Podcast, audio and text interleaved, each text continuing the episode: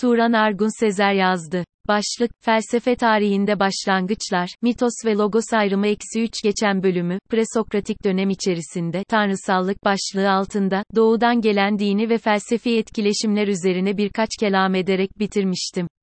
Doğruyu söylemek gerekirse bu konu felsefe tarihinin diğer konuları gibi o kadar kapsamlı ve yorucudur ki, okura bu konuda, kompakt veya hazmedilmesi kolay bir bilgi vermenin imkanının olmadığı kanaatine vardım. Bu sebeple okurlardan biraz daha sabretmesini istiyorum. Yalan söylemeyeceğim, felsefe bilgisi tıpkı edebiyat veya sosyoloji bilgisinde olduğu gibi literatüre dair en azından temel bir seviyede okuma bilgisi ister. Eğer okur bu konulara ilişkin temel felsefe bilgisinden yoksun olduğu halde, bu köşedeki yazılara güvenerek bilgi edinebileceğini sanıyorsa ağır bir yanılgı içerisine girecektir. Bu keyvatı ilk başta yapmalıydım ama görüyorum ki benim de aklım şimdi başıma geldi. Çünkü daha önce felsefe ile ilgili pek çok şey yazıp çizdim ama bunlar hep konunun uzmanlarının anlayabileceği, for your eyes only, belgelerdi. Dikkat edildiğinde, ilk bölümden itibaren felsefe tarihindeki konulara ve sorunlara lineer bir şekilde değinmediğim, eski tarih yazımında sıklıkla rastlanıldığı gibi bir sarmal çizerek bu konular üzerinde durduğum anlaşılacaktır. Bunun sebeplerinden biri, tıpkı kültürümüzde karşımıza çıkan pek çok şeyde olduğu gibi felsefenin de izole bir alan olmamasıdır. Eğer aynı dönem içerisinde bir sondan bir başa doğru ya da vice versa belirsiz bir şekilde gidiyorsam bu yüzden okurdan af dilerim. Felsefenin kaynağı Doğu mu, Yunan mı? Yukarıda yazılı iki sebeple şunu söylemem lazım, okur lütfen sabretsin ve vakit bulabiliyorsa daha fazla araştırsın. En kadim toplumların tarihine baktığımızda bile karşılaştığımız çok kültürlü etkileşim, felsefenin de hiç kuşkusuz etkilenmesine yol açmıştı. Felsefe tarihi alanında büyük alimlerden biri olarak kabul edilen Eduard Zeller bir keresinde şöyle demişti, bildiğimiz kadarıyla Yunanlar ilk zamanlardan felsefelerinin kaynağında doğu milletlerinin, kültürleri kendilerinden önce gelen tek millet onlardı, payı olduğuna atıf yapmaya meyilliydiler, ancak en kadim dönemde belirli izole öğretiler sadece doğudan geçmiş olabilirdi.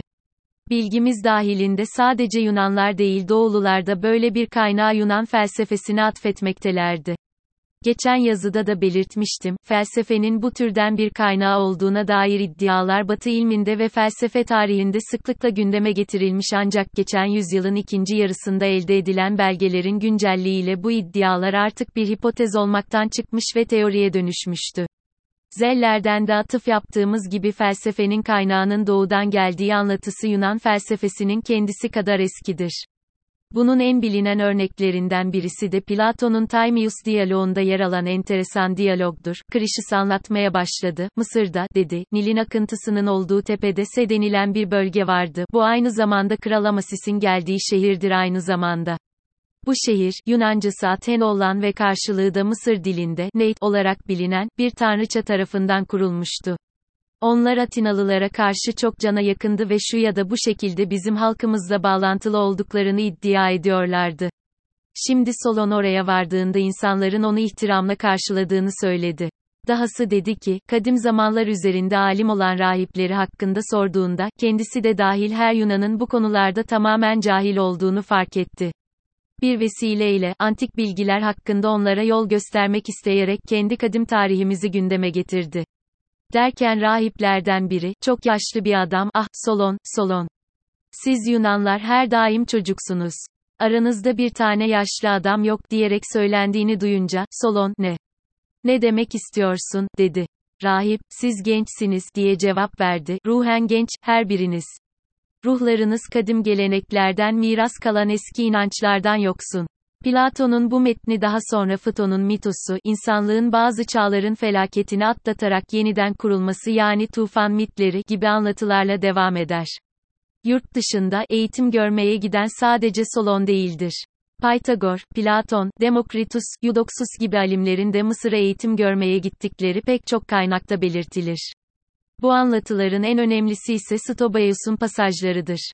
Nokta. Daha önceki yazımda da Platon'un mitleri felsefi öğretide temel bir noktayı açıklamak için kullandığına dipnotta da olsa değinmiştim.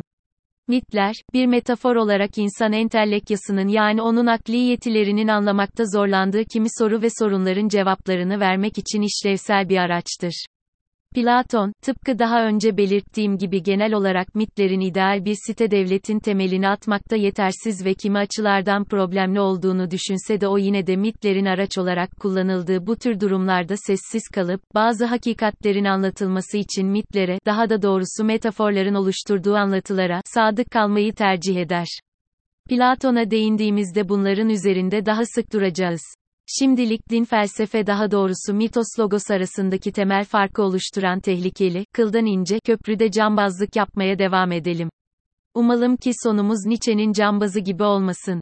MITOSTANLOGOSA ya da yedi uyuyanlar her başlıkta illaki bir kurgusal esere ya da anlatıya atıf yapma geleneğim olduğunu biliyorsunuz. Yedi uyuyanlar ya da Arapçasıyla Eşap-ı Kehfe, mağara yoldaşları, Hristiyanlık ve İslam'da üç aşağı beş yukarı benzer anlatılara dayanan bir mittir. Hristiyan oldukları gerekçesiyle tahkikata uğrayıp bir mağaraya sığınan yedi arkadaş kimilerine göre 300 küsur yıl mağarada uyurlar. Uyandıklarında etraflarındaki dünya Hristiyan olmuştur ve neşeyle karşılanırlar.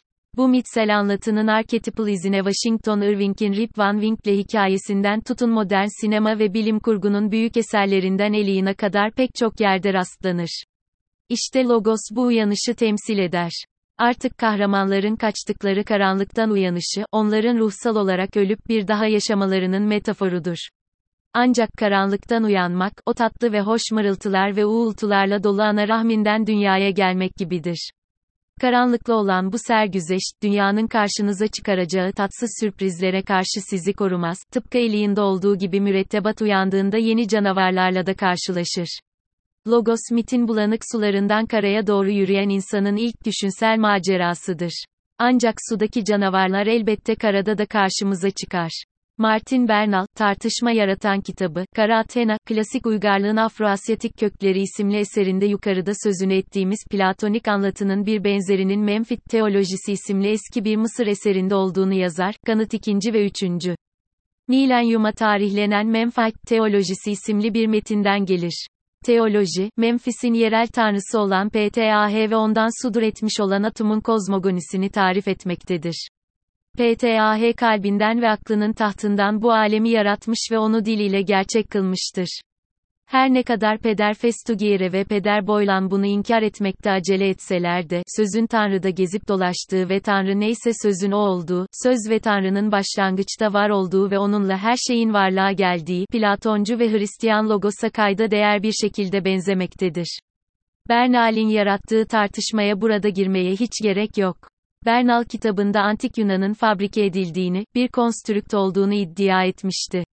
Bu oldukça hararetli ve zevkli de olsa başka bir tartışma konusudur. Benim anladığım ise şu, Yunanlar, felsefelerinin kökenindeki bu unsuru her nereden gelirse gelsin çok iyi biliyorlar ve aslında bunu bir bilgelik olarak görerek aktarmaya çalışıyorlardı. İşte benim yazı dizisinin bu bölümlerinde yapmak istediğim de bunu anlamaya ve anlatmaya çalışmak olduğu için okura zorlu gelebileceğini söyledim. Mağaradan uyanışın sembolize ettiği gerçekliğin üstünün örtülmesinde Platon'un katkısı olup olmadığı sorulabilir. Mağara alegorisi herkesin bildiği gibi mağarada ışığa arkası dönük şekilde zincirlenmiş insanların gerçeği görmediği bir dünya tasavvurunu ele alır. Ancak yüzyıllardır filozofların üzerinde durmaktan artık gına geldiği bu tartışmada benim yorumum şudur, Platon'un aydınlanmayı salık verdiği şey zincirlerden kırılma değil mağaradan kurtulan esirin diğerlerini bu mağaradan kurtarmak için tekrar mağaraya dönmesidir. Gerçekten bu kadar çok tartışılan bir alegorinin bu tarafının atlanması bana oldukça tuhaf gelmiştir. Dolayısıyla presokratik felsefenin de bu düşünsel mirastan haberi olmadığını söylemek şöyle dursun, bu ince çizgide çok gri alanda bir yerde bulunduğunu reddetmek imkansızdır. Nokta. Filozofların kimi zaman tanrısal, kimi zaman kahin, kimi zaman peygamber ve rahip sayıldığı bir dönemin felsefesini tamamen modern mülahazalarla ele almak sadece anakronik olmaz, aynı zamanda felsefi düşüncede farklı bir ufki vaziyet almak isteyen insanların da önünü tıkar. Günümüzde din bilim felsefe tartışmalarında esas olarak kaçırılan noktanın bu olduğunu düşünüyorum.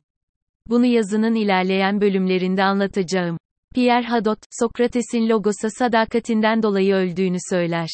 Sokrates'in bu büyük ironisi üzerinde düşünülecek şeyleri sonraya bırakalım. Büyük alimlerden Werner Jager'e atıf yaparsak, aslında okyanusun her şeyin kaynağı olduğuna dair Homerik fikrin, Thales'in suyun evrenin temel ilkesi olduğuna dair fikrinden, bunu daha önceki yazımda da Tevrat'taki bir benzerlik olarak bahsetmiştim. Yazarın notu, nasıl ayrıldığını söylemek kolay değildir. Zira Thales'in teorisi sonu gelmez bir denizin somut gerçekliğinden mülhemdi. Yine Hesiod'un Teogonisi de kasıtlı olarak alemin orijini ve doğası üzerine mantıksal bir inceleme üzerine bina edilmiştir. Yine de bu sistem içerisinde mitolojik düşüncenin eski gücü hala aktiftir. O, bilimsel olarak adlandırdığımız felsefede, İyonyalı fizikçilerin eserlerindedir ve o olmaksızın erken dönem bilimsel çağın yeni muhteşem felsefi sistemler yaratmasını sağlayan o şaşırtıcı yeteneğini açıklayamazdık. Empedokles'in sisteminde bağlayıcı ve ayırıcı iki doğal kuvvet olan aşk ve nefret Hesiod'un kozmogonik eros ile aynı entelektüel mirası paylaşır. O halde bilimsel düşüncenin, rasyonel düşünce başladığında veya mitsel düşünce sona erdiğinde başladığını söyleyemeyiz. Platon'un ve Aristoteles'in eserlerinde bile sahici bir mitolojileştirme vardır. İşte burada presokratik felsefe tarihi sahnesinde en az Anaximander ve Heraklitus kadar önemli görülen üç figür devreye girmektedir. Pythagoras, Demokritus, Parmenides ve Empedokles. İlk olarak Demokritus'u ele alalım.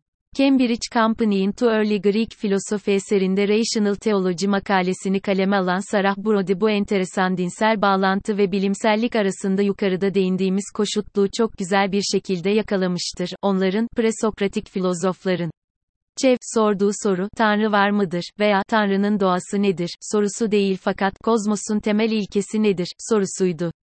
Demokritus'un felsefeye ve sonraki bilimsel teoriye kazandırdığı en önemli teorilerden biri olan atomizmi bu bağlamda harika bir örnektir. Brody, Demokritus'un atomculuğuyla karışık erken dönem teolojisinin doğanın kökeninin tanrısal olduğuna dair erken dönem geleneği devam ettirmesinde doğru olduğunu iddia ederken, doğanın kendisinin tanrıdan yoksun olduğunu anlarken hataya düştüğünü söyler. Atomlar, Guthrie'nin Aristoteles'in metafiziğine atıf yaptığı gibi bir başka atomcu olan Leukippos ve Demokritus'a göre, varlıklardır. O halde atomun olmadığı boşluk var olmayandır, non-being. Demokritus'un atomculuğu bu bağlamda başka bir presokratik filozof olan Anaxagoras'tan farklıdır. O temel parçacıkların birbirinden oluşmadığını söyler. Şaşırtıcı derecede modern fizikteki atom tasvirine benzeyen bu öğretide yine başka bir şaşırtıcı örnek olarak sonsuz bölünebilirliğin reddini buluruz. Bu da daha sonra üstünde duracağım Parmenides ve Ele okulunun monizmine karşı bir duruştur. Ancak Demokritus'un elbette modern mülahazaların dışında anlaşılamayacak tespitleri de vardır. Bunlardan biri Eusebius'un, Demokritus'un atomların gözle görülmeyecek derecede küçük değil aynı zamanda kozmosun kendisi kadar büyük olabileceklerine dair iddiası da eklenebilir. Demokritus mantıksal bir açmazdan kurtulmak için de bunu söylemiş olabilir. Madem atomlar birbirine bölünemeyecek derecede sonsuzdurlar onların kendilerinden daha büyük bir maddeyi bir araya getirmeleri için birleşmeleri durumunda bölünemeyeceklerini kim iddia edebilirdi? Modern fizik buna cevap verene kadar Demokritus'un, çok sonraları İbn Rüşd'ün meşhur, hardal tanesi, örneğine benzer bir şekilde atomların boyutlarının birbirinden küçük ya da büyüklüğünün bir farklılık göstermediği sonucuna varmak için, onların, sonsuz, olduğu iddiasından vazgeçmeyerek böyle bir sonuca varmak istediği düşünülebilir. Demokritus'un bir noktada modern fiziğe çok yaklaştığı ve bu sebeple de sonraki materyalist felsefe tarafından oldukça kabul gören bu argümanına karşılık havada daimon gibi varlıkların bulunduğuna dair inancı, tanrıların her ne kadar bir süre sonra onlarda atomlar gibi çözülüp yok olsalar da uzun süren ömrüne dair tespitleri kafa karıştırıcıdır. Bunun sebeplerini araştırmaya sonraki yazıda devam edebiliriz. Esen kalın.